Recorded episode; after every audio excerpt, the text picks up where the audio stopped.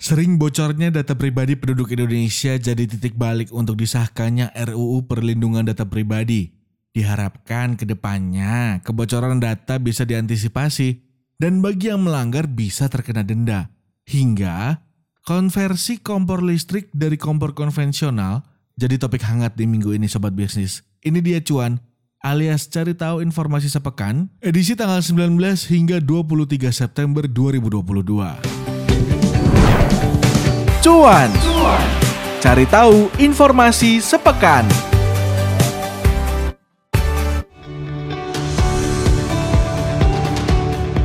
Berita pertama adalah DPR resmi mengesahkan rancangan Undang-Undang Perlindungan Data Pribadi atau RUU PDP menjadi undang-undang di rapat paripurna kelima masa persidangan pertama tahun 2022 hingga 2023 di hari Selasa 20 September lalu.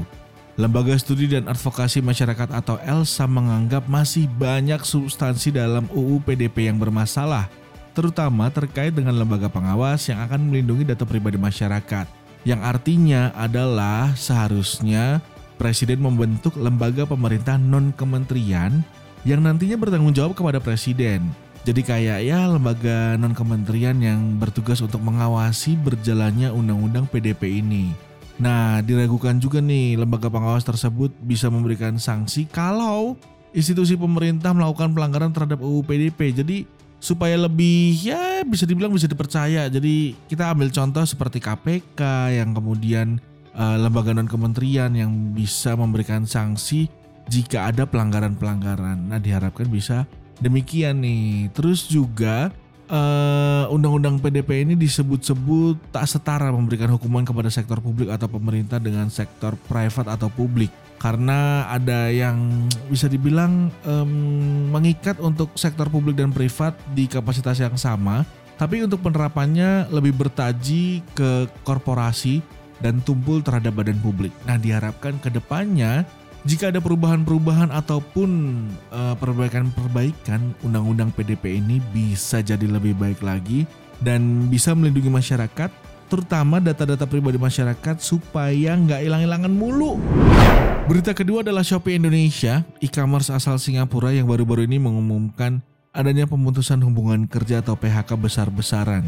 Langkah ini disebut-sebut oleh Shopee untuk menghadapi situasi ekonomi global yang cukup berat ya sobat bisnis karena sepanjang tahun berjalan sudah terjadi 864 PHK yang dilakukan oleh startup lain di seluruh dunia. Wow, banyak banget ya.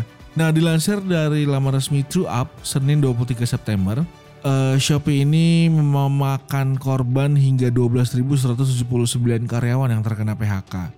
Hal ini dilakukan tak lama setelah adanya pengumuman jajaran eksekutif induk Shopee dan Garena yaitu CLTD mengorbankan gaji dan memperketat kebijakan pengeluaran dalam rangka melindungi perusahaan dari perlambatan ekonomi yang mengancam perusahaan teknologi. Kemudian, Head of Public Affairs Shopee Indonesia Radinal Nata Prawira ini menjelaskan kalau Shopee Indonesia kemudian harus melakukan PHK karena keputusan tersebut merupakan langkah terakhir yang harus ditempuh setelah melakukan penyesuaian melalui beberapa perubahan kebijakan bisnis. Memang keputusan yang sulit tapi diharapkan uh, para startup dan juga e-commerce yang sedang berjuang di tahun ini bisa melewati badai yang cukup berat mungkin ya. Dan juga untuk para karyawan yang di PHK semoga bisa segera mendapatkan tempat baru. Lanjut berikutnya adalah berita ketiga, Menteri ESDM Arifin Tasrif akan mengenjot penggunaan kompor listrik dan juga kendaraan listrik untuk mengatasi kondisi kelebihan pasokan daya atau surplus listrik PLN Persero. Arifin mengatakan untuk mengatasi kelebihan pasokan maka perlu ditumbuhkan permintaan daya listrik oleh masyarakat yang salah satunya adalah penggunaan kompor listrik dan kendaraan listrik yang juga sekaligus bagian dari konversi menuju energi yang lebih bersih atau energi baru terbarukan. Nah, rencananya nih pemerintah tahun ini akan memberikan paket kompor listrik kepada 300 ribu masyarakat. Paket tersebut akan diberikan secara gratis sebagai implementasi dari program konversi kompor listrik dari kompor LPG 3 kg di tahun ini.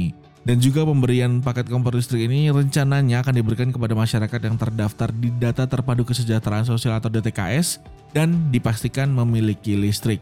Lalu eh, dari Kementerian SDM, Sekjen Kementerian SDM Rida Mulyana menyampaikan harga paket kompor listrik yang akan diberikan sekitar 1,8 juta di mana satu paket tersebut terdiri dari kompor dua tungku, satu alat masak, dan juga satu miniatur sirkuit break atau MCB Jadi sudah lengkap tinggal pasang begitu. Semoga bisa jadi titik balik juga nih untuk uh, pemerintah mengkonversi kompor konvensional menuju kompor listrik supaya menggunakan energi yang lebih bersih, energi baru terbarukan dan semoga masyarakatnya juga bisa memanfaatkan momen ini dengan baik dan menggunakan kompor listriknya. Oke deh sobat bisnis itu dia tadi cuan alias cari tahu informasi sepekan edisi 19 hingga 23 September 2022. Jangan lupa buat follow Instagram Broadcast di broad.cast dan jangan lupa juga untuk tonton konten-konten terbaru dari Bisniscom di YouTube channel Bisniscom. Jangan lupa juga buat subscribe ya.